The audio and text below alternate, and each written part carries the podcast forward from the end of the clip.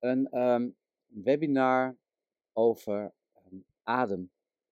En toen ik hiermee, ehm, toen ik deze gemaakt had en ik zat net aan de afwas, toen dacht ik van, hé, hey, ik had ook wel een hele andere start kunnen nemen. Want hè, we zitten natuurlijk met uh, TCM'ers bij elkaar. Hè, en TCM is Traditional Chinese Medicine. En dat is natuurlijk een bepaalde stroming in de, in de Chinese geneeskunde. En als we naar adem gaan kijken, dan is natuurlijk één belangrijk orgaan wat de ademhaling regelt. Het is de long. Het is de long die eigenlijk ervoor zorgt dat wij de ingeademde lucht kunnen binnenkrijgen. En samen met die mild, met die koetsie, en dat het bloed en de chi kan ontstaan. En het is de nier die die lucht ehm, naar beneden trekt. Dus dat is eigenlijk Chinees fysiologisch, ehm, zijn dat de organen die een rol spelen. En met name in deze webinar zullen we gaan kijken ehm, naar de long, naar de po. Maar vergeet niet dat die inademing van de long, dat wat je dag in dag uit onbewust doet, dat dat ritme van de long, hè, die inademing en weer uitademen, hè, dat dat ook spiritueel een betekenis is, is van hé, hey, ik adem in, ik neem tot mij en dat wat ik niet meer nodig heb, um, dat laat ik gaan. En dat dat ritme van de long doorwerkt eigenlijk ook op het ritme van de vertering. die long en die mild, die vormen in de Liu Jing, in de zes divisies, vormen die een eenheid, de Tai Yin. En die long met zijn ritme, die verzorgt ook het ritme van de vertering. En dan niet alleen maar de fysiologische vertering van het eten en van het drinken, die transport en transformatie van de mild, maar ook dat jij in de mild, waar het denken in huist, de I, die zorgt ervoor dat alle verschillende denkbeelden of alle gedachten die je hebt, gecomprimeerd worden tot een bruikbaar, tot een bruikbaar idee waar jij wat mee kan. En die mild die gebruikt daarvoor ook weer het ritme van die long. dus daar zie je eigenlijk al de samenwerking als die longen op een gegeven moment niet goed zou functioneren, met die inademing, dat ook de mild het zou kunnen zijn, het is niet altijd een is, dat zul je altijd moeten onderzoeken naar symptomen en navragen, pols en tong en dat soort zaken. Dan kan het dus ook zijn dat iemand ehm, zijn gedachten niet kan ordenen. Zo zou je dat min of meer kunnen, kunnen stellen. Die long geeft ook weer ritme, niet alleen maar aan de mild en transporttransformatie, dus aan het midden, maar ook aan het andere orgaan wat in die bovenste warme zit, namelijk het hart met de bloedstroom.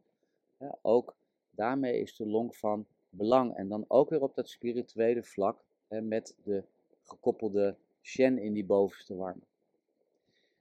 Ja, allereerst um, voor mij um, hoe het begon. Een jaar of uh, vijf, zes geleden, hè, toen was ik al een hele lange tijd in de, in de TCM werkzaam. Toen was ik op een, toen was ik op een festival. En op dat festival was een programma en ik was op een ochtend, was ik heel vroeg wakker, om een uur of zes. En toen stond er in het programma dat jij kon ademen.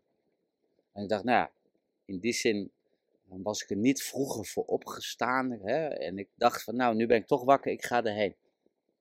En op dat moment um, dat ik die ademtraining gevolgd had, toen liep ik van het veld af. En toen dacht ik van, what the heck, wat is dit? wat is hier met me gebeurd? Ik was eigenlijk een beetje, nou, niet verdwaasd of afwezig, maar er was een hele hoop in beweging gezet voor mij. En dat leidde er voor mij op een gegeven moment toe dat ik dat ben gaan onderzoeken. Van ja, wat is die adem nu precies? Wat heb ik nu eigenlijk precies gedaan? En hoe zou ik dat uh, Chinees kunnen vertalen wat er in mijn systeem is gebeurd? Want wat er namelijk gebeurd was, was doordat die adem verschillende aspecten in mijn leven waren aangetikt, waar ik dacht geen ja, last is altijd een beetje zwaar woord, hè, maar ik voelde me ehm, meer bevrijd. Daarna ben ik een adem, um, ademopleiding gaan doen. Um, wel een beetje op de westerse leest gestoeld. Hè.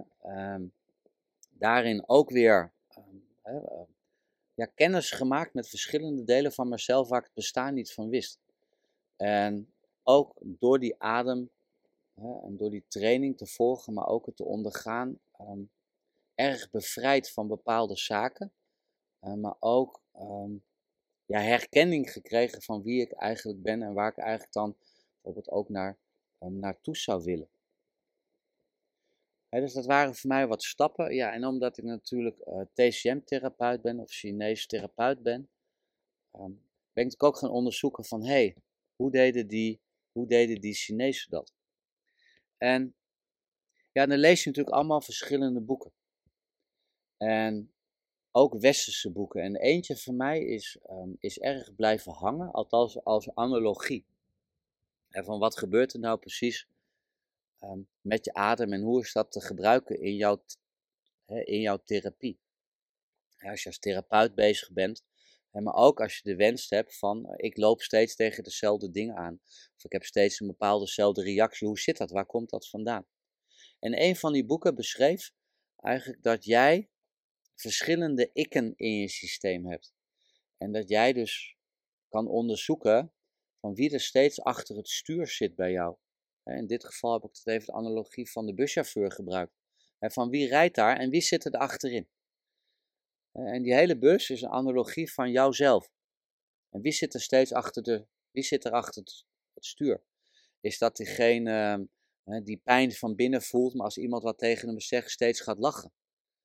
dat kunnen allemaal verschillende, verschillende types zijn. Dat kunnen, ben je eerder somber gestemd of ga je eerder piekeren, om het even in de Chinese emoties te hebben. van wie zit er het meest van jou um, achter het stuur en in welke situaties ehm, vindt dat, vindt dat plaats? Dus volgens mij heet het boek ook het ik, het ik en mijn ikken. En Daarop voortbedurend kan het zo zijn dat diegene die bij jou achter het stuur zit, vaak hè, um, een groot deel van jouw leven bepaalt, met bijvoorbeeld reacties en dat soort dingen, dat die achter het stuur is gaan zitten door iets wat er is gebeurd. En vaak noemen we dat een trauma. Ik heb altijd wel een beeld met een trauma dat ik denk van wow, heel, um, heel um, ernstig, een hele grote gebeurtenis maar trauma's die kunnen vaak ook onbewust of die kunnen ook heel klein zijn, maar toch in jouw systeem, in jouw meridiaansysteem, toch een grote rol spelen. Ik ging een beetje op internet zoeken en kijken van, nou ja, wat voor vertalingen zijn er van wat is trauma? En ik heb er een aantal opgeschreven wanneer iemand na een schokkende gebeurtenis blijft steken in bepaalde gevoelens. Hè, dus in ieder geval dat je dan ook nog bewust kan zijn. Het kan ook een onzichtbare wond in je ziel zijn. Het is niet te zien, maar je voelt het wel. Het kan op bepaalde momenten zijn. En de onderste was eigenlijk het meest Chinees, als emoties gedurende een lange tijd niet meer stromen. En dan gaat het mij niet zozeer om om jullie een definitie aan te leren, maar waar het mij wel om gaat, dan ga ik even nog naar mijn volgende sheet is dat die dingen die in jouw leven gebeuren, of die jou hinderen, of kunnen hinderen, dat je daar jezelf bewust kan zijn of dat het zelfs ook onbewust kan zijn.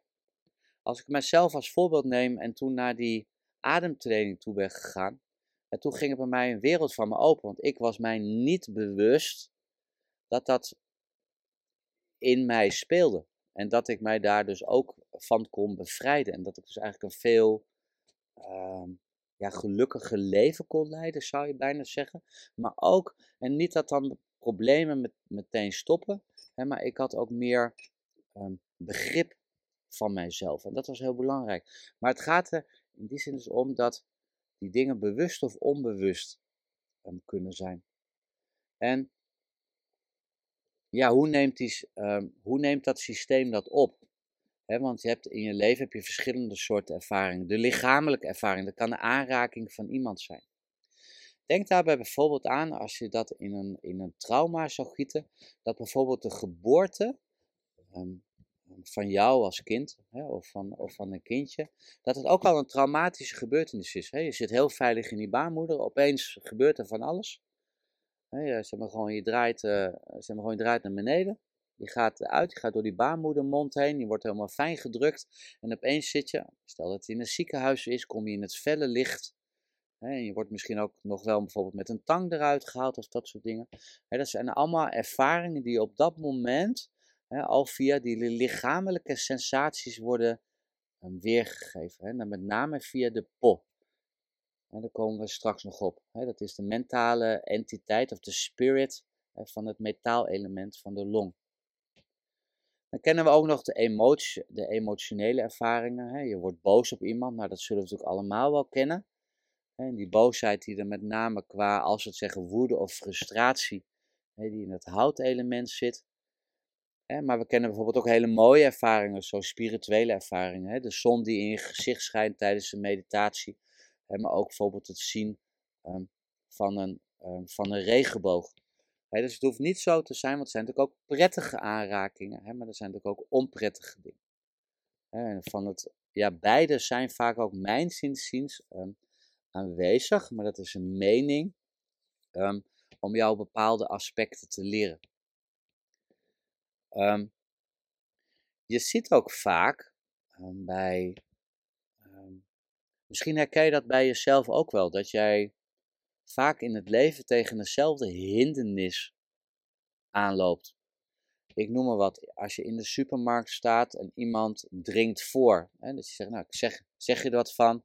Of zeg je er niks van? Of zeg je, nou goed, laat maar gaan. want ik heb de tijd wel. Dat je, jezelf, dat je zelf eigenlijk steeds een stapje achteruit doet om ruimte te maken, bijvoorbeeld voor een ander. en misschien zie je dat op andere levensgebieden ook alweer terug, dat daar waarop lijkt.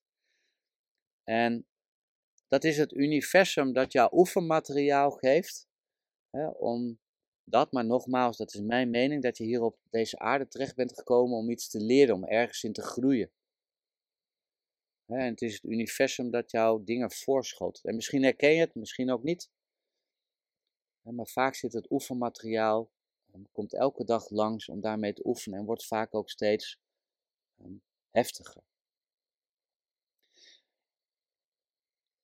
En dat geeft natuurlijk, als je dingen tegenkomt, dat geeft emoties. Bijvoorbeeld als diegene voordringt ehm, in de supermarkt. En dat kan een emotie zijn dat je dan boos wordt. En als het ware dat bijvoorbeeld woede van iemand anders buiten komt. Dan hij botst met zijn karretje tegen je aan. Hij is al boos en daardoor word je ook al boos. Dus het kan van extern komen. Maar ook als die lever ehm, niet goed in balans is, kan dat ook leiden tot. Iemand heeft gedurende lange tijd ervaart veel stress op het werk, veel spanning. Of is bijvoorbeeld erg druk op het werk dat kan een uitputting geven van de lever, waardoor die levertie wat meer gaat stagneren. en waardoor er dus in die zin ehm, ja, in het begin een klein beetje boosheid ontstaan, maar op een gegeven moment kan natuurlijk die handrem volledig aangaan. waardoor iemand helemaal stopt en als het ware in woede um, dus dat is het mooie van de Chinese geneeskunde. die emotie kan er zijn, maar het kan ook een disbalans van intern um, eigenlijk naar buiten toe. En als we naar die emoties gaan kijken, dan zijn er situaties dat je zegt, daar heb ik helemaal geen last van. Of iemand anders heeft er helemaal geen last van. er gebeurt iets en je ziet het, je neemt het in je op en die emotie dooft weer uit. Volgens mij heb ik ergens ooit eens een keer gelezen dat dat in 1 à 1,5 seconde ehm, gebeurt als dat uitdooft. Maar als je naar dat, als je naar dat plaatje helemaal rechts gaat kijken, dan zie je eigenlijk dat die eerste emotie die stijgt. Maar wat er dan gebeurt, is dat er een andere emotie gaat aanhaken. Er komt als het ware een herinnering uit jouw systeem, die als het ware die herinnering wakker schudt. En doordat die herinnering wordt wakker geschud, komen ook die pijnlijke ervaringen die weggestopt zijn in jouw systeem of in jouw systeem zitten, die worden ook wakker geschud. En dan zie je dat die emotie gaat leven die dooft niet uit. Bijvoorbeeld zoals je een kaars uit zou blazen. Als dat de emotie is, het vlammetje. En je blaast het vlammetje uit. Maar bij dat tweede plaatje, het meest rechtse, wordt die emotie wordt eigenlijk gevoed en die vlam wordt steeds groter. Je blijft daarin hangen, je kan er niet meer los van komen. En op het moment dus dat je daar niet meer los van kan komen, ja, dan gaat jouw systeem um, gaat erop reageren. En die gaat zich ook um, voeden. En dan is het ook afhankelijk van welke emotie dat speelt. Want in de Chinese geneeskunde kennen we een aantal emoties: vreugde, woede, verdriet, droefheid, piekeren, angst, schrik. En die laatste zou jullie misschien niet zo bekend voorkomen, extreme vermoeidheid, want er staat bijvoorbeeld ook wel schok, wordt er bijvoorbeeld ook wel genoemd. De literatuur is daar verschillend over. Um, in de oudere boeken staat ook um, vermoeidheid namelijk genoemd hè, als zijnde een, een, emotie. En dit even in het kort, dus over die, over die emoties die kunnen ontstaan. Um, weten jullie nog zo um, bij welke piekeren hoort? Zou je dat in de chat kunnen zetten?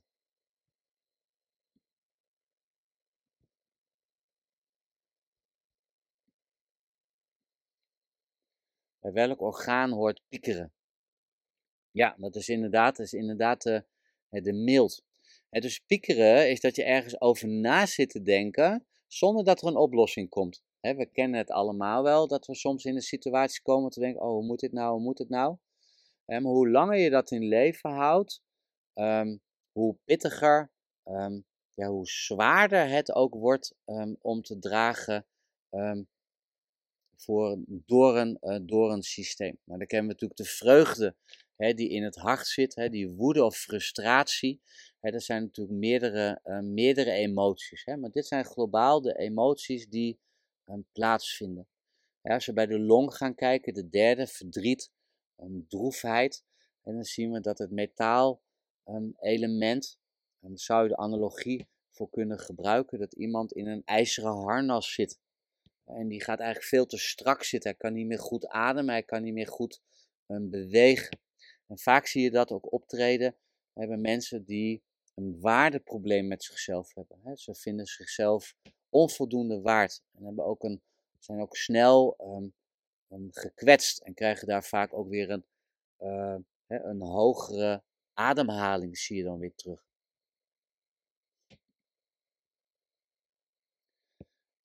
Dit even op een andere manier uitgebeeld. die emotie komt, het is eerst een klein sneeuwballetje, wordt steeds groter. en dan op een gegeven moment heb je een joekel van een sneeuwbal. En in die zin eigenlijk zie je dat dit poppetje eigenlijk ook van die emoties wegrent. waardoor die emotie steeds maar meer kan groeien en een steeds grotere rol kan spelen. hij zou zich beter kunnen omdraaien en ehm, het probleem aanschouwen en ook um, doorleven. En daar gaat ook deze webinar over van, ja, in die zin eigenlijk dan, hoe dan?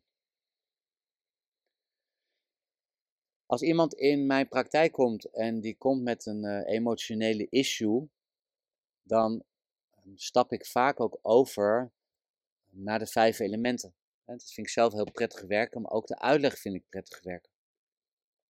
Allereerst even een vraag voor jullie. Hè. Welk element als je nu zo leeft in het Westen, dan wordt overbelicht in het Westen. Weten jullie dat?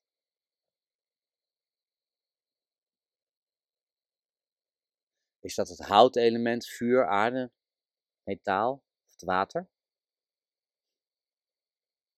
Ja. Ik zie Tina al goed antwoorden. Hè? Dat is inderdaad het houtelement.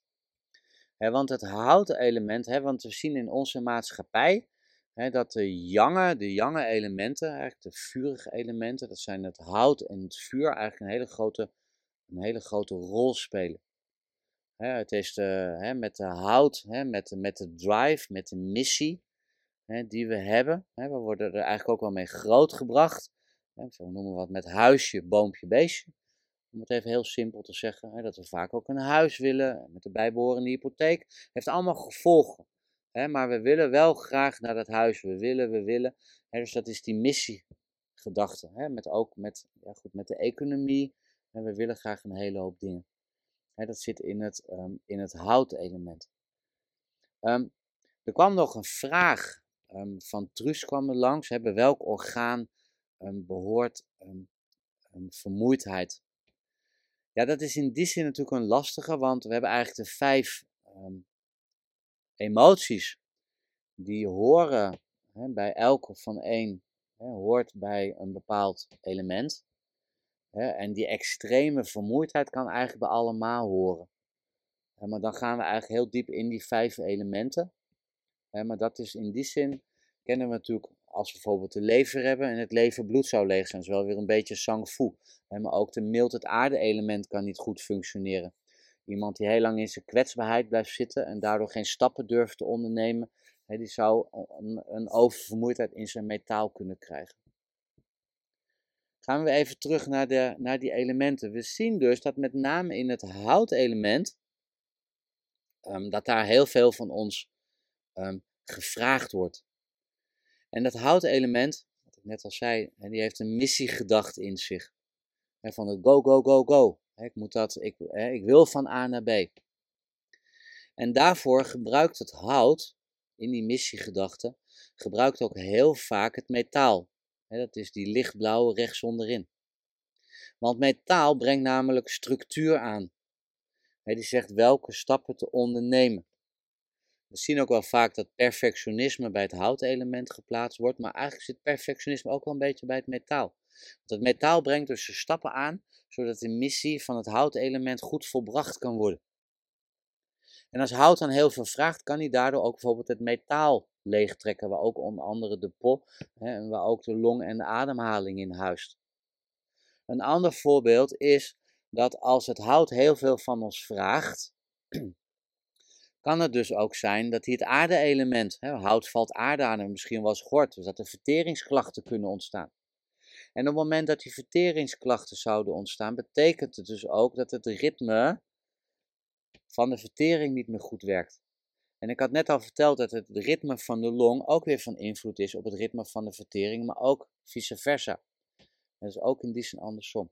Dus je kan al zien doordat in één element, um, dat daar eigenlijk een excess, hè, er wordt te veel van gevraagd, dat het invloed heeft eigenlijk op alle andere elementen. In de TCM kennen we dat als hout valt aarde aan, maar we kennen bijvoorbeeld ook hout rebelleert tegen metaal. die spelen natuurlijk ook. Het kan ook zijn, hè, want het water en het vuur communiceren met elkaar. Dat is de grijze en de rode. Maar het vuur kan ook eigenlijk het water helemaal dusdanig aan de kook brengen hè, dat het ook verdampt. Hè, en dat het waterelement um, daardoor eigenlijk niet meer of uit balans raakt. Hè, en dat iemand eigenlijk letterlijk gewoon een burn-out krijgt. Burn-out is eigenlijk wel in alle vijf um, vijfde elementen mogelijk. maar met name zie je bij een burn-out ook dat de dat de nieren aangedaan worden. dus dit even om het, in die, om het in die vijf elementen te gieten.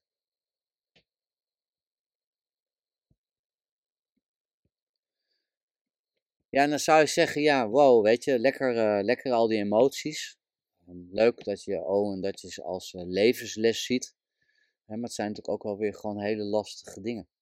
Mee eens. Op het moment dat jij geboren wordt, is, of je zit nog in een baarmoeder, dan is alles redelijk um, ja, koek en ei. Hè? En ja, goed, die komt uit die baarmoeder. Als het fijn is, word je liefdevol hè, door je moeder ontvangen hè, en uh, op de borst gelegd. En op dat moment, als jij je eerste ademhaling, um, je eerste ademteugen neemt, en dan gaan ook die kwaliteiten in je systeem die bij de geboorte aanwezig zijn, die gaan een rol spelen. En met hout, vuur, aarde en metaal, je ziet ze hier allemaal staan. Die hebben allemaal kwaliteiten die bij iedereen aanwezig zijn. Hè, bijvoorbeeld als we links gaan kijken, dan zien we de Ben van hout. En dan zien we groei, en de ondernemingsdrang, empathie en goedheid. Het zijn allemaal positieve kwaliteiten. En als we de onderste gaan kijken van het waterelement, leven met wijsheid. En dan naar rechts het metaal, hè, dat je leeft en met je eigen kostbaarheid goed in de gaten houdt. Het aarde-element met vertrouwen en integriteit. Hè, zoals ik ook met andere um, woorden zou je ze kunnen benoemen. Dus op het moment dat jij geboren wordt, is alles goed. Vrijwel alles goed. Maar dan, ja, dan gaat het dan gaat het leven beginnen. En dan komen de emoties binnen. net eigenlijk als zij, op het moment dat je door het geboortekanaal gaat, eh, daar zou het eigenlijk al kunnen beginnen. Maar neem bijvoorbeeld dat je in een gezin opgroeit waar vader en moeder veel ruzie maken. Of je gaat naar een school ehm, waar je bijvoorbeeld um, geplaagd wordt. Of waar geen aandacht is voor ehm, intuïtief voelen, meevoelende kinderen. En dan hoe moeilijk je het dan kan krijgen. En dat geeft in die zin geeft dat allemaal emoties in jouw systeem die we net al benoemd hebben. Naast dat op een gegeven moment als je geboren wordt, hè, dat dan de emoties tot jou kunnen komen in het leven. Vanaf nogmaals, vanaf je geboorte tot en met dat iemand voordringt bij jou in de supermarkt. Hè, en dat karretje tegen je aanduwt en daarbij ook nog boos kijkt, dat dat wat met je doet. Kennen we natuurlijk ook nog dat er bepaalde familietrauma's aanwezig zijn. Je vader en moeder blijken er al mee te worstelen, opa en oma al. Het is een bepaalde lijn ik weet ook nog al dat ik zei, nou, ik ga niet op mijn vader en op mijn vader lijken. want die deed dit en dit bij mij. Ik ga zorgen dat dat niet bij mijn kinderen gebeurt. En toch, als ik met mijn kinderen erop praat, over praat, dan lijk ik toch wel weer verrekt te veel op mijn vader. En ook al wil je dat niet, en dat zijn dingen die in die zin in je, in je DNA, in die voorouderlijke lijn zitten. En dat heb ik hier rechts met die pijl gezet, hè, met die jing.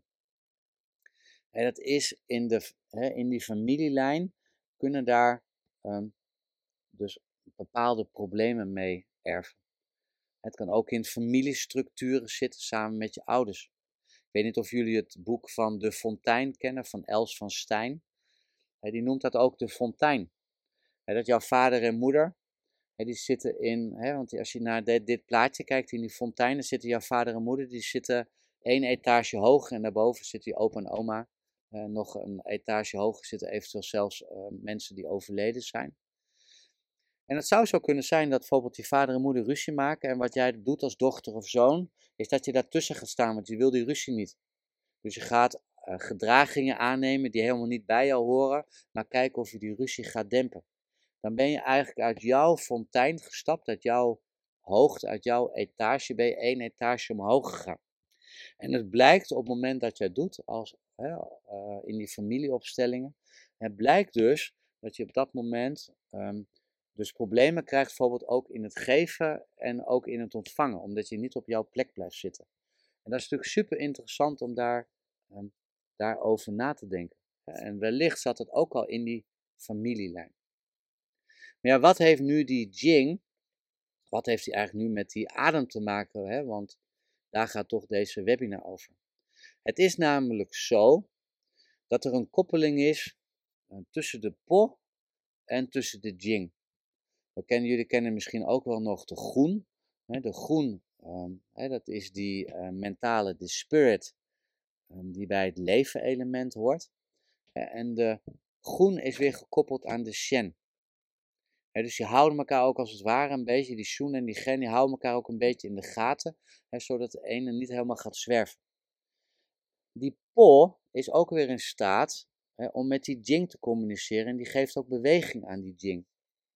Dus daaruit volgt dat jij dus met je adem dus ook jouw Jing kan beïnvloeden en ook andersom dat jouw Jing dus ook jouw Po kan beïnvloeden en daarmee je long, jouw adem.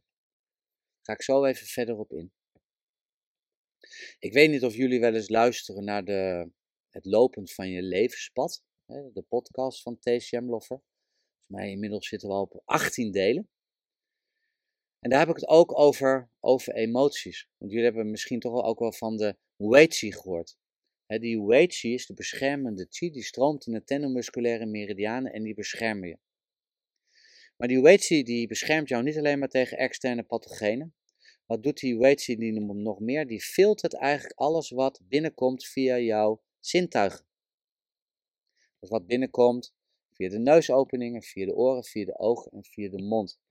En die Weighty die bekijkt eigenlijk van, nou zeg maar gewoon dat wel, dat niet. Zo zou je het een beetje kunnen vergelijken, bijna met de scheiden van zuiver en onzuiver. Het is niet helemaal zo, maar het is een soort grenswacht, ehm, zou je kunnen zeggen. Op het moment dat jij dus bijvoorbeeld buiten loopt en iemand gooit vuurwerk achter je neer, dan krijg je bijvoorbeeld die schrik. Hè, je schrik plotseling. Hè, dat is eigenlijk zeg maar gewoon je um, Op het moment dat je bijvoorbeeld in een grote stad woont en er wordt al een maand voor oud en nieuw met ehm, vuurwerk gegooid, dan gaat jouw systeem er op een gegeven moment aan wennen. Dus jouw Weiqi die accepteert dan eigenlijk de situatie zoals die is. Hij verstrakt, hè, maar op een gegeven moment gaat hij eigenlijk niet meer reageren door al die input die er is. En dan heb je het in die zin in jouw systeem opgenomen. Je bent je niet meer bewust van het feit dat het vuurwerk afgestoken wordt. Natuurlijk hoor je nog wel, maar je systeem doet er niet zoveel meer mee. En dat is ook vaak zo uh, met emoties. Hè, dat je op een gegeven moment niet meer kan merken of wegstoppen. Of dat je denkt, ik heb er geen last van of het hindert me niet. Dus dat even over de Weichi. Als je in geïnteresseerd bent, kan ook altijd nog eens even die podcast luisteren. Een emotie, met name de langdurige emoties, kunnen ook op het niveau van de Jingqi. Die Jingqi is je voedende Qi. Dat is de Qi die ook aanprikt hè, met, uh, als je een meridiaanpunt aanprikt. En die beweegt zich in de luovaten ook in het divergente traject. Want op het moment dat die tendomusculaire meridianen niet meer zo goed weten, ze kunnen de emoties te groot, het is allemaal te heftig, dan kan het zo zijn dat ze dat doorgeven aan het niveau, aan een diepere laag namelijk van de luo-meridianen, van de luovaten of van de divergente trajecten. Het lichaam heeft namelijk een systeem in zich waarbij het de organen gaat beschermen van die emoties. Want emoties zijn natuurlijk niks anders als pathogene invloeden. En je wil de organen daarvan beschermen. En dat wordt dus dan, zo'n emotie kan dus ook opgeslagen worden in de luovaten, in de divergente trajecten. En dat opslaan, dat gaat in een van de vloeistoffen. Dat gaat bijvoorbeeld in de yin, dat gaat bijvoorbeeld in de ye. Hè, maar dat kan ook in het bloed opgeslagen worden of zelfs in de, in de chi. Ga er niet te diep over nadenken, hè, maar neem dat in die zin op een gegeven moment aan. Hoe zie je dat dan?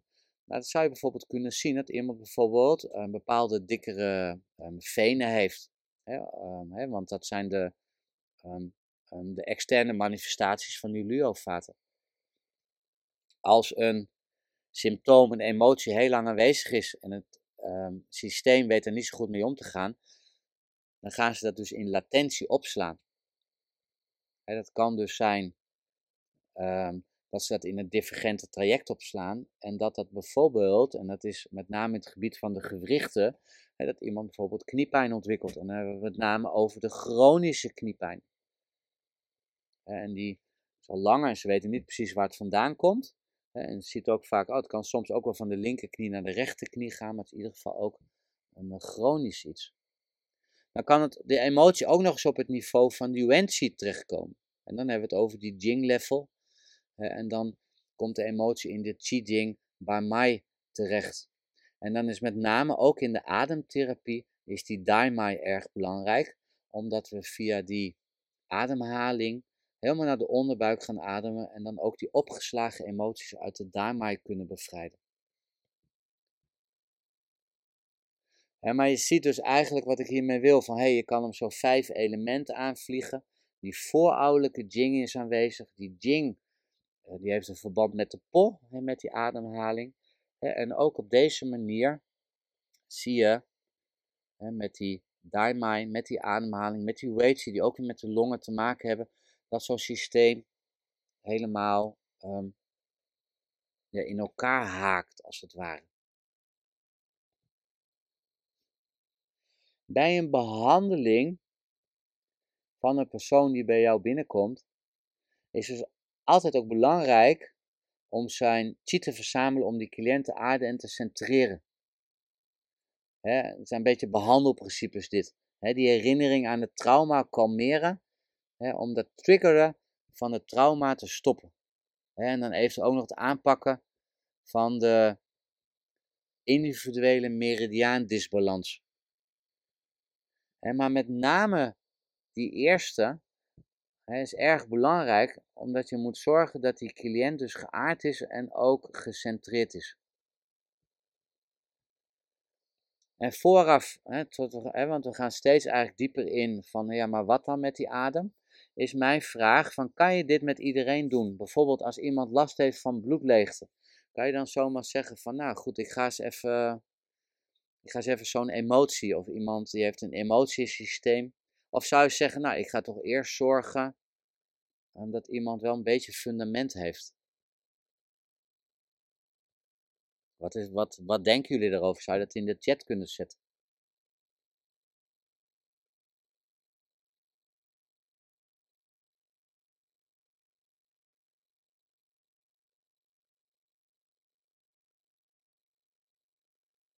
Ja, want eerst, maar dat is ook een mening. Want als iemand dus last heeft bijvoorbeeld van een bloedleegte, heeft hij dan uh, genoeg fundament um, om, dat, om dat te dragen.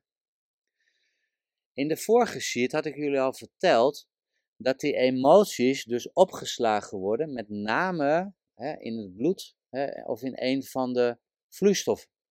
die, dat bloed is ook de drager um, van de, van de vloeistoffen. Op het moment dat iemand bloed leeg is, dan kan dat bloed dus ook minder die emoties channelen of dragen of in zich opnemen. dus iemand die bloedleeg is, die wordt daardoor eigenlijk veel eerder belast ook door een emotie. Dus op het moment dat jij iemand dan bloed zou kunnen voeden, dat bloed aan zou kunnen maken, dan kan hij dus ook veel makkelijker die, ehm, ja, die emoties dragen. Want het is natuurlijk helemaal niet gezegd dat dat, uh, dat, dat slecht is. Hè? Want emotieloos um, door het leven gaan is natuurlijk ook niet je van het. Dat doet mij herinneren dat um, bij mijn uh, oma, als ik daar vroeger kwam, um, die had zo'n tegeltje op de, op de schouw staan. En daar stond op: zonder verdriet kent men ook ware vreugde niet. Dus ik denk ook met emoties dat het ook weer de Chinese gedachte van yin en yang, dat het ook weer heel belangrijk is. want als, jij, als je verdrietig bent, dan weet je ook hoe fijn het is om zonder verdriet te zijn. En als dat steeds maar op hetzelfde level zou zitten, um, ik denk wel dat wij mensen ook wel zo gemaakt zijn om daar weer van te leren en dan weer die vreugde te voelen. Dat het altijd wel weer een schommeling is. Maar op het moment dat iemand dus bloedleeg is, zou het kunnen zijn dat iemand eigenlijk veel te zwaar belast wordt en daardoor ook een, nou, laten we het even depressie noemen, maar ieder of, of zich naar gaat voelen, hè, of eerder in een burn-out terechtkomt of dat soort dingen. Dus dan is het goed om te kijken van, hé, hey, ik ga ook dat um, bloed voeden. Hè, dus dat is ook wat Monique nu zegt, hè, je kijkt natuurlijk toch altijd van wat er nu is en hoe een systeem is en hoe iemand reageert. Um, Belangrijk daarbij is natuurlijk ook, dus op het moment dat jij met emoties gaat werken, en je zou ze ook, hè, zullen we straks ook over hebben, dat je die met die ademhaling ook dus kan gaan oproepen, dat die cliënt daar ook open voor staat. Dus dat moet je wel um, goed delen met de, met de cliënt. En maar inderdaad met jullie eens, eerst gewoon voeden. Dus iemand kan dus een bloedleegte hebben of een leegte hebben. Mijn advies is van, nou goed, neem dat in ieder geval absoluut mee. Ik weet niet of sommigen van jullie met ayahuasca um, wel bezig zijn geweest. Dat is, een, dat is zo'n Peruaans drankje, hè, waarbij je uh, ja, eigenlijk allerlei dingen gaat herbeleven. Noem ik het maar even simpel gezegd. En dat is ingebed in de cultuur van Zuid-Amerika. En als je dat daar gaat nemen en je krijgt allerlei herbelevingen of allerlei verwerkingen, dan zie je ook dat de mensen daar, diegene die ayahuasca heeft genomen, ook helemaal opvangen en ook helemaal verzorgen. Hier, althans is hoe ik het heb gehoord, ik heb het zelf nooit gedaan of meegemaakt, maar wel gehoord, kan het nog zijn dat je zo'n dag zoiets gaat doen en dat je daarna, nou ja, daarna dat hebt beleefd en je gaat de auto in en je gaat weer naar huis. En hoe is dan die bedding, die dragende bedding? Dus wat dat betreft, ook daarbij geldt, dus ook bij bloedleegtes en dat soort zaken, ga je bloed voeden. Maar ook de bedding daarna, nazorg met emoties, als je daarmee gaat werken, ehm, is erg belangrijk. Los van dat die cliënt aangeeft, ik heb last van een bepaalde emotie, is het vaak ook aan iemand te zien. Kan zijn aan een dofbleek gelaat, een verwarring, een lege blik, een bepaalde dofheid of die, die ogen hebben geen shun meer, een desoriëntatie, maar bijvoorbeeld ook een oppervlakkige ademhaling. Want als iemand op de bank ligt, kijk ik altijd naar de ademhaling, hoe hoog zit hij, ehm, gaat ook die buik, is er ook een buikademhaling aanwezig. Want niet iedereen die in jouw praktijk komt, is meteen van mening van, nou goed, het is een emotioneel iets. Die zegt, nou help me van mijn knieklacht af. terwijl daar best wel iets heel anders onder kan zitten. Een ander aspect waar je nog naar gaan kijken, gaan we vandaag niet dieper op in, maar je ziet bij veel bijscholingen zie je ook de gezichtsdiagnose. En wat je bijvoorbeeld leert bij een gezichtsdiagnose, is natuurlijk ook die lijntjes in het gezicht die vaak ook een emotionele oorsprong hebben. He, bijvoorbeeld deze hoekjes die naar beneden wijzen, die wijzen op een niet vervullend leven. in, als, je het, als je het emotioneel gaat bekijken. dus, dat, um, dus dat hangt. We kennen ook nog wel eens allemaal van die, eh, zo'n lip met allemaal van die streepjes hier, van die verticale streepjes. Dat is met de runmai heeft dat te maken, dat is de yin-meridiaan, de moedermeridiaan. Goed zorgen voor jezelf. Dus via dat soort um, gezichtsdiagnose um, aspecten um, kan je ook weer een bepaalde disbalans op het spoor komen. Lees deze even met mij mee. De groen controls the yang spirits in the body. The pool, the po controls yin spirits in the body. All are made of chi. En de groen is responsible for all formless consciousness, including the three treasures Jing, Qi en Shen. He, daar zie je in ieder geval de groen en de Shen, wat ik net al had genoemd. En de Po is responsible en dan heb je die gezichtsopeningen die genoemd worden. En daardoor, misschien heb je het wel eens een keer gehoord, noemen ze ook de drie groen en de seven Po. En wat wil ik daar in die zin mee? Hiermee zie je eigenlijk de samenhang tussen dat eerste level, die Wei hè, met die long, die niet alleen maar jou beschermt tegen die externe pathogenen, maar dat die ook alles filtert wat via de ogen, de oren, de neus en de mond binnenkomt. Hè, dus daar, dus die Wei hè, die haalt alles naar binnen en met de Go, met de Po te maken. En als we dan zien dat dat via die pop binnenkomt, die emoties, hè, dan hebben we dat rechts. Hè, en die komen naar me binnen. Dan heb ik daar even een wipwapje van gemaakt. Want al die sensaties via jouw systeem binnenkomen, hè, die komen via die pop binnen. En dat maakt ervoor eigenlijk dat die wipwap, die eigenlijk heen en weer gaat, dat die po eigenlijk daardoor zwaarder belast wordt en eigenlijk naar beneden gaat. En op dat moment gaat die groen, die zou in principe relatief minder zwaar worden en ook omhoog gaan.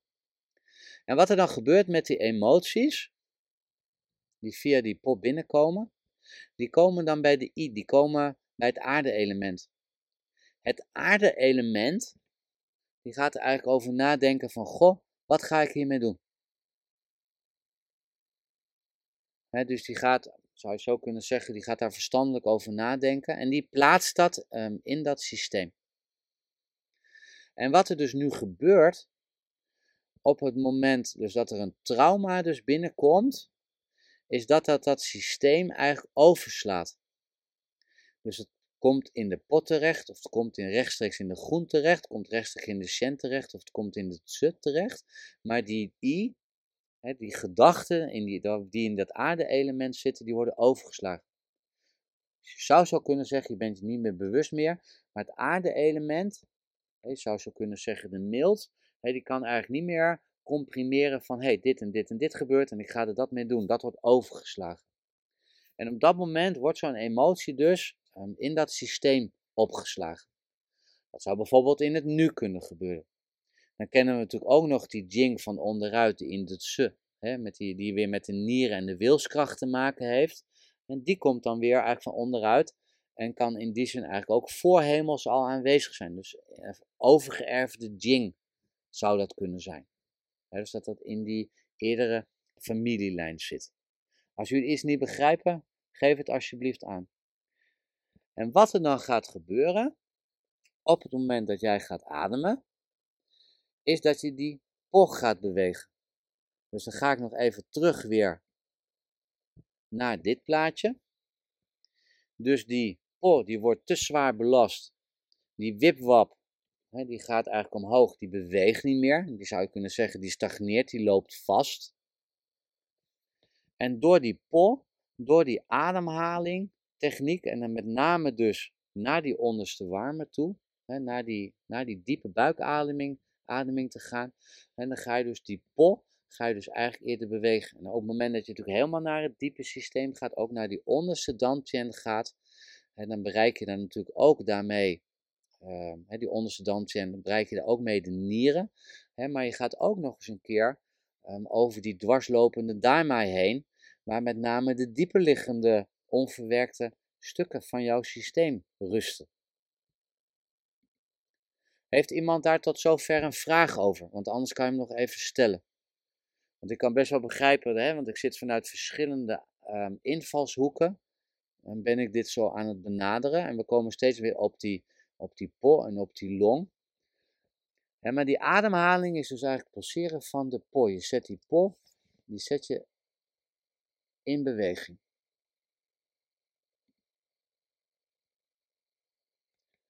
En nou gebruik ik in mijn praktijk, um, gebruik ik met name als mensen ergens in vastzetten of die willen bepaalde stukken aanraken of die voelen um, dat ze hun leven niet zo leven als wat ze zouden kunnen.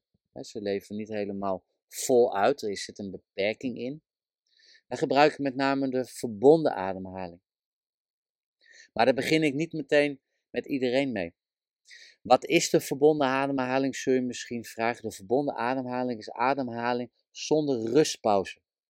Je ademt kort in door de mond. En waarom door de mond? Omdat door de mond met name de onderste dantian wordt getriggerd. Door de neus is meer het activiteit van het, uh, van het brein bovenin.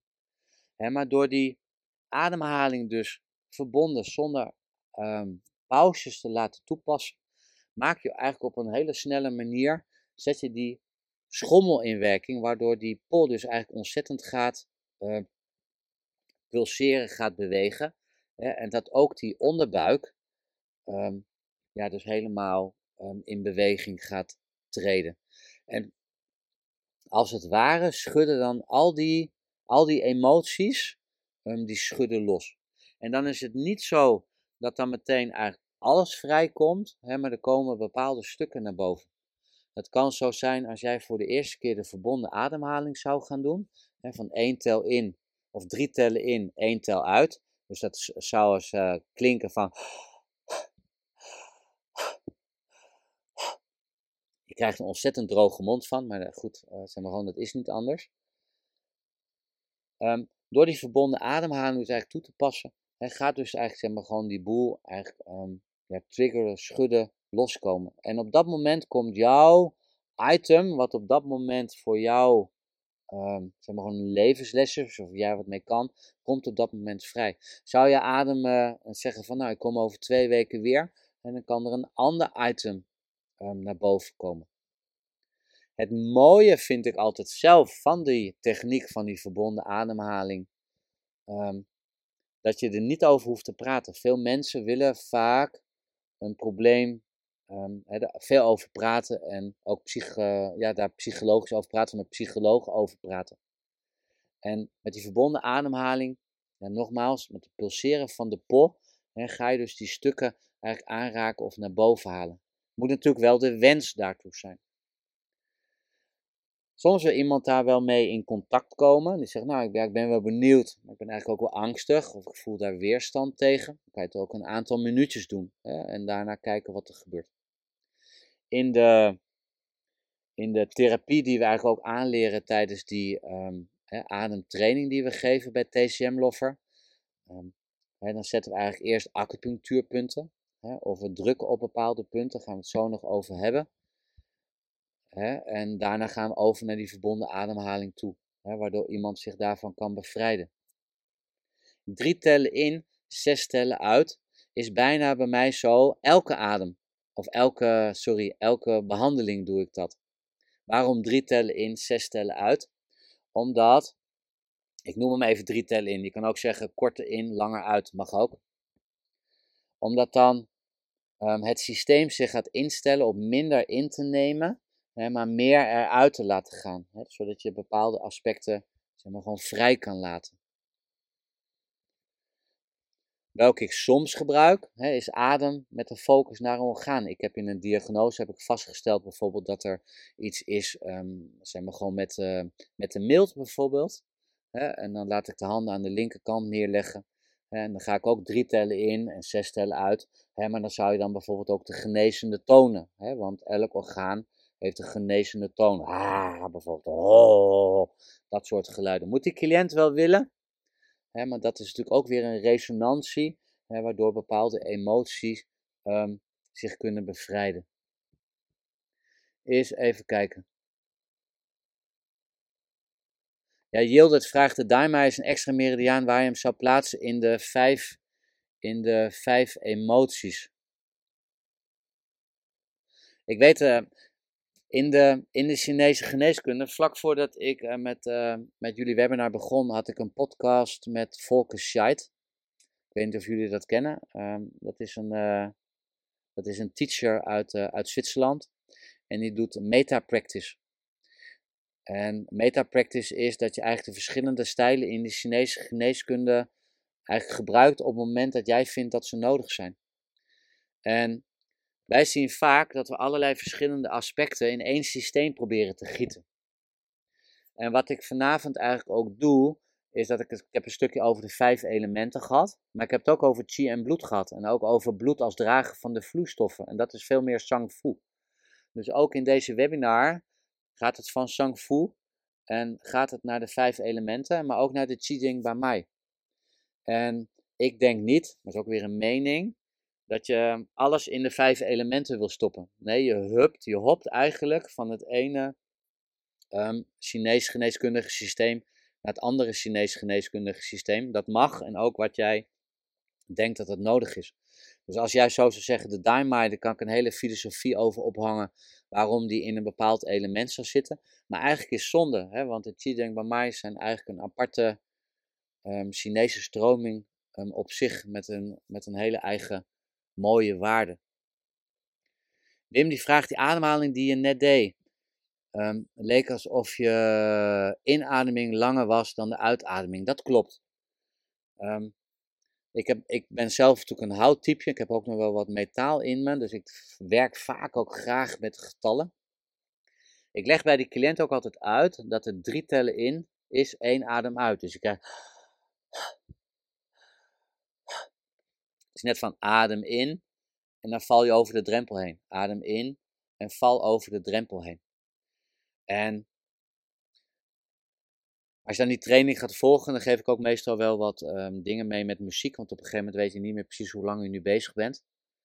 En dan zeg ik, nou, je gaat bijvoorbeeld vijf minuten doen. Doe dan een leuk uh, liedje van Spotify op of iets in die geest wat jij prettig vindt om naar te luisteren. En dan weet je na die vijf minuten van dat het klaar is en um, dat het was. Ah, ja, ja, ja. Ja, dat is die andere. Deze die ik net deed, met het in, drie in, één uit, dat is de verbonden ademhaling. Drie, drie tellen in, zes tellen uit. is dus een rustige inademing, maar heel veel accent op de uitademing. dat die eigenlijk bij wijze van spreken dubbel zo lang duurt. En die mag gewoon door de neus of door de mond, wat de cliënt wil. Meestal is dat de neus. En op dat moment kan je dus ook goed kijken um, wat er met die buik dus gebeurt en waar, en waar iemand zit. En je zult zien dat, um, nou, ik denk wel zeker de helft van jouw cliënten um, niet tot zo'n buikademing kan komen. En dan kan je bijvoorbeeld even de hand op de buik leggen. Dus dat is de verbonden ademhaling 3 in 1 uit. En die andere drie tellen in, zes tellen uit is een andere oefening en die adem met focus naar het orgaan met die genezende toon, dan zou je bijvoorbeeld je handen op je long kunnen leggen. Je zou je handen op het hart kunnen leggen. Je zou de handen onder je rug kunnen leggen als je bijvoorbeeld uh, iets met de nieren wilt. Hè, en dan drie tellen inademen, zes tellen uit. Hè, en dan de focus naar het um, orgaan zelf kunnen laten gaan. Eventueel ondersteund door zo'n genezende toon. En die tonen die kan je vaak, als je er even op googelt, Um, en dan kan je ze wel um, vinden. De healing sounds um, noemen we die.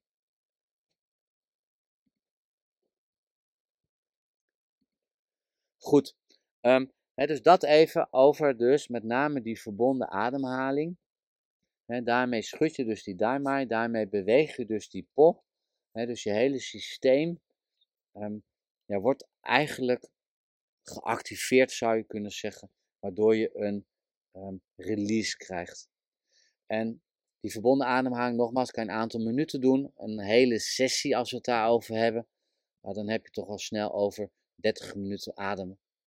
Je ervaring gaat dan ook zijn dat je heel veel weerstand gaat krijgen. Hè? Want jouw verstand gezegd, oh dit gaan we niet doen, want die wil daar niet heen. Hè, die, die wil graag in die, in die veilige modus blijven. Hè? En dan is ook de uitnodiging aan die cliënt, hè? of als je zegt van nou ik wil dit zelf gaan doen, om dan toch die verbonden ademhaling daarin te blijven. En ja, het is, het is, het is, het is, het is echt een belevenis om te ervaren ehm, waar je allemaal van kan bevrijden. Dat is de verbonden ademhaling. die drie tellen in, zes tellen uit is een andere manier van ademen. Gebruik ik eigenlijk standaard bij elke ademhaling. Ook om bijvoorbeeld een cliënt naar de naalden toe te laten ademen. En ik heb ook nog de ademtechniek die ik veel gebruik. Met die focus naar een orgaan, eventueel met de genezende toon. En als we het dan hebben over de naalden zetten, of je doet uh, shihatsu, Kapalabhati ken ik niet. Ellen. Dus dat ken ik niet. Er zijn, um, we noemen die verbonden ademhaling ook wel de transformational breathing. Um, hij lijkt een heel klein beetje ook op de rebirthing ademhaling. Hè? Dus je ziet dat er met die adem um, veel wordt geëxperimenteerd. Dat zou ik even moeten opzoeken. Het is voor mij een uh, nieuwe term, Ellen, maar dankjewel dat je hem even geeft. Tijdens zo'n sessie je kan een sessie geven met alleen maar de verbonden ademhaling. Zeg, nou, ik ga alleen maar die pot doen. En in het begin doe ik 10 minuten. of ik doe eens 20 minuten. En dat je dat langzaam voor jezelf opbouwt. dus kijk eens goed ehm, wat voor een cliënt je hebt en ook wat je cliënt precies wil. Ik herinner me nog dat ik dit een keer deed. En er was een cliënt, die was bij een collega van mij geweest. En dat ging over dat hij misbruikt was in zijn jeugd. En hij voelde dat dat um, hinderde in zijn zijn. En mijn collega kon dat uh, op dat moment uh, niet oplossen uh, met haar therapieën. Hè, zeg met acupunctuur, met kruiden geprobeerd. En zij wist dat ik die verbonden ademhalingstechniek deed. Dus die meneer komt bij mij, ik vertel hem wat we gaan doen. En we gingen vol goede moed aan de slag. Halverwege um, want je kan tijdens verbonden ademhaling kan op elk moment stoppen en zeggen van ho brak hij dus de ademhaling af. En waarom brak hij die ademhaling af? Omdat hij helemaal terugging naar die momenten waarop dat plaatsvond. Ja, want dat, dat kan. Je weet niet precies wat je op gaat roepen. maar vaak zijn het wel de triggers die je bevrijdt en die je, en die je oproept. En wat je dan eigenlijk een soort herbeleven van krijgt. Datgene wat je hebt weggestopt, komt dan eigenlijk weer aan de, aan de oppervlakte. Soms kan het ook zijn dat je denkt, nou, ik ga ademen met een bepaalde intentie, maar er komt er iets heel anders boven. Dat is niet controleerbaar. dat is lastig in die zin om te doen, want je bewustzijn is in die zin bij die verbonden ademhaling ehm, is niet aanwezig. Dus die koos ervoor om daar niet heen te gaan, um, om dat weer niet opnieuw te doorleven. En dat is dan op dat moment ook de keuze. Doet me ook herinneren aan een andere mevrouw, die had problemen in haar huwelijk en die ging ook met mij ademen. En het resultaat was eigenlijk dat ze erachter kwam dat zij niet van haar man meer hield. En zij koos er ook voor om te stoppen, omdat ze niet uit het huwelijk wilde stappen. En daar kunnen natuurlijk allemaal ook weer andere redenen voor zijn. Dus je ziet ook wel dat het soms wel best wel ehm, heftig kan zijn. Het grootste gedeelte van wat je doet, Um, hè, zijn mensen blij om van bepaalde woede of van verdriet, hè, dat het weer gaat stromen. Hè, dat die vastgelopen chi, want emoties zijn natuurlijk niks anders dan chi, om, om, om daar weer van um, bevrijd te worden. Als ik nog even ga kijken naar de spiritualiteit, hè, want er zijn natuurlijk ook weer bepaalde punten die ik prik. Hè, want acupunctuur, Chinese geneeskunde, is eigenlijk een hele shamanistische geneeswijze en als je dan gaat kijken naar acupunctuurpunten, die hebben ook allemaal weer een bepaalde naam en ook hebben ook allemaal een spirituele betekenis. Ik heb er voor jullie een paar opgeschreven en misschien kan je die, vind je dat leuk om deze gewoon mee te schrijven um, en even te noteren. De renmai, en dan met name renmai 12, maar de renmai zelf vertegenwoordigt de moeder, het yin meridiaan, en biedt de capaciteit hè, voor zelfliefde en zorg. Het behandelen van de renmai helpt personen trauma's los te laten en hun huidige situatie te accepteren. Mentale vertering, dat is eigenlijk ook waar REN 12, als je daar met je duim op zou drukken of ehm, zou kunnen palperen. Dat leer je ook tijdens die ademopleiding om eigenlijk vanaf die borst, vanuit het midden, vanuit REN 12, tussen de navel en het sternum, om daar naar boven te palperen en eigenlijk die meridiaanpunten um, ja, zeg maar, in te drukken. Hè, of eventjes zeg maar, vast te houden hè, om eigenlijk die trauma's los te laten. En één punt wat er ook ligt, is bijvoorbeeld Renma 17. Het centrum van de borst. En daarbij staat geschreven in het centrum van de borst voltrekt de keizer de rituelen om de communicatie tussen hemel en aarde te herstellen. En stelt u weer in staat eigenlijk de hemelse bestemming weer te volgen. En is natuurlijk ook om de bovenste warme te openen, daar waar, de hart, waar het hart zit, dus waar de shen zit. dat, is ook, dat, is eigenlijk ook de keizer. maar ook om die ademhaling, om die po weer in beweging te krijgen. Als we gaan kijken naar bijvoorbeeld long 1, die zou je heel goed kunnen inzetten bij mensen met een rigide gedrag. En vaak met onderliggend verborgen verdriet. En dit gedrag vertonen als het gevoel hebben om niet met respect te worden behandeld. En als long 1 niet met de hemel kan communiceren, dan komt er geen inspiratie of inademing en kan dus kortademigheid ontstaan en een gebrek aan, zijwaar, aan zelfwaarde. Die long, het metaalelement, had ik net al die analogie van gegeven, hè, van dat het wel lijkt alsof iemand in zo'n uh, metalen harnas um, zit. Ik zou deze sheet er wel bij um, plaatsen. En dan kan je dus, voordat je bijvoorbeeld met de verbonden adem begint, hè, kan je dus bijvoorbeeld dit punt zetten. En ook dus als je met naalden werkt, hè, en dan kan je dus ook zeggen van goed adem met dit punt. En vertel ook wat dit punt, vertel ook wat dit punt doet. Want dat is ook erg belangrijk in de verbinding met je cliënt. En mild 6, hè, de tri-yin intersection, de levende mild en de nier komen daar samen. En dan heb je natuurlijk ook die mentale aspecten van de I, de groen en de tse. want we weten natuurlijk de mild en de lever en de nier voeden. En dan gaan we vaak direct naar de fysiologie gaan we toe. maar mild 6 heeft dus ook zeer zeker een, uh, een plek als spiritueel punt. Omdat de aarde en de, het aardeelement, het houtelement en het waterelement mee te beïnvloeden. Pericard 6 is ook een punt wat we veel gebruiken. En de naam van Pericard 6 is de deur naar het gebroken hart. En dit zie je bijvoorbeeld vaak terug als uh, mensen um, steeds maar lachen, maar eigenlijk innerlijk um, pijn hebben in hun systeem. He, dus Pericard 6 herstelt eigenlijk gevoel met het, met het innerlijk, he, waardoor je eigenlijk weer um, authentiek kan re uh, reageren het dus veel meer naar waarachtigheid kan leven. En hier, wat ik net al zei, met iemand die eigenlijk naar buiten toe altijd vrolijk is, maar die geen toegang heeft uh, tot het innerlijke. En zo heeft dus elk punt heeft zijn eigen betekenis. En daarmee zou je dus voor kunnen kiezen om je acupunctuurbehandeling dus op die manier te beginnen. Als je het naalden zet, daarna te gaan ademen. Maar je kan ook op een gegeven moment zeggen van, hé, hey, ik ga tijdens um, de ademhaling ga ik um, de punten aandrukken.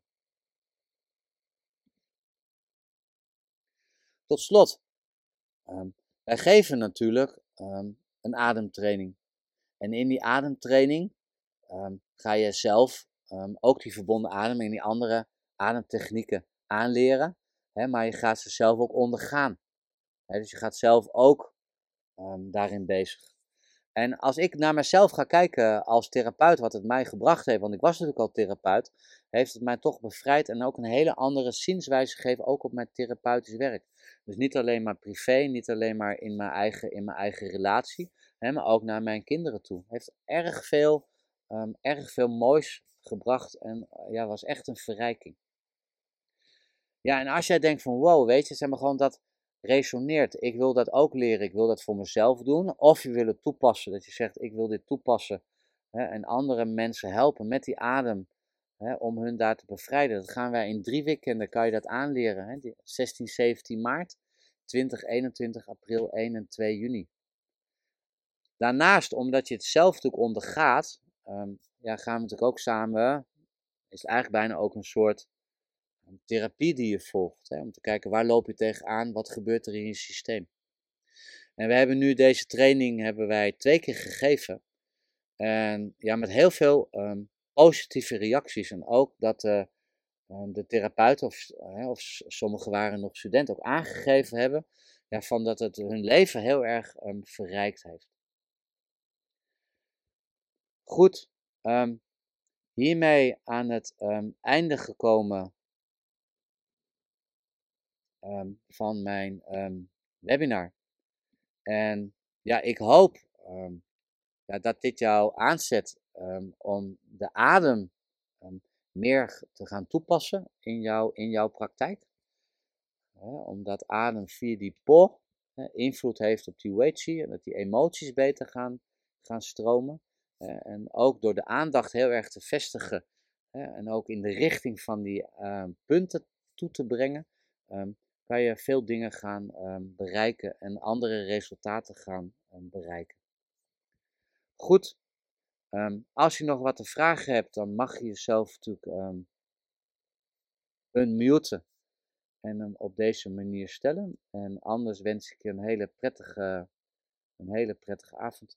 Ik hoop dat de lijn een beetje te volgen was. Er vroeg nog iemand ook nog even wat over EFT. Er zijn natuurlijk verschillende methodes verschillende manieren van lichaamswerk, eh, van tikken, hè, van, dat, van die punten tikken. Er zijn verschillende manieren van lichaamswerk.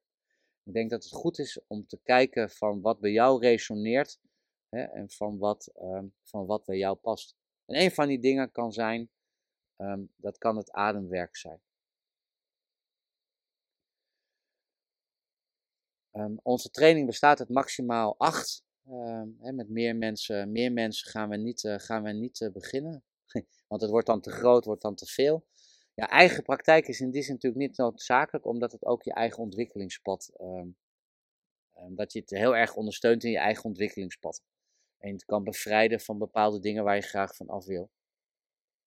En je kan het daarna meteen gaan toepassen bij cliënt. Dus als je nog aan het studeren bent met acupunctuur, kan je zeggen, nee goed, ik ga daar vast mee beginnen. Dank jullie wel. Tien over acht. Dus ik ben een beetje in het uh, tien minuten uitgeschoten, dus dat uh, valt mee. En mochten jullie nog vragen hebben of die later naar boven komen drijven, um, ja, stel ze alsjeblieft. Ook in de podcast uh, heb ik het hier natuurlijk ook wel regelmatig over. Die kan je ook altijd even terugzoeken op onze site. Dankjewel.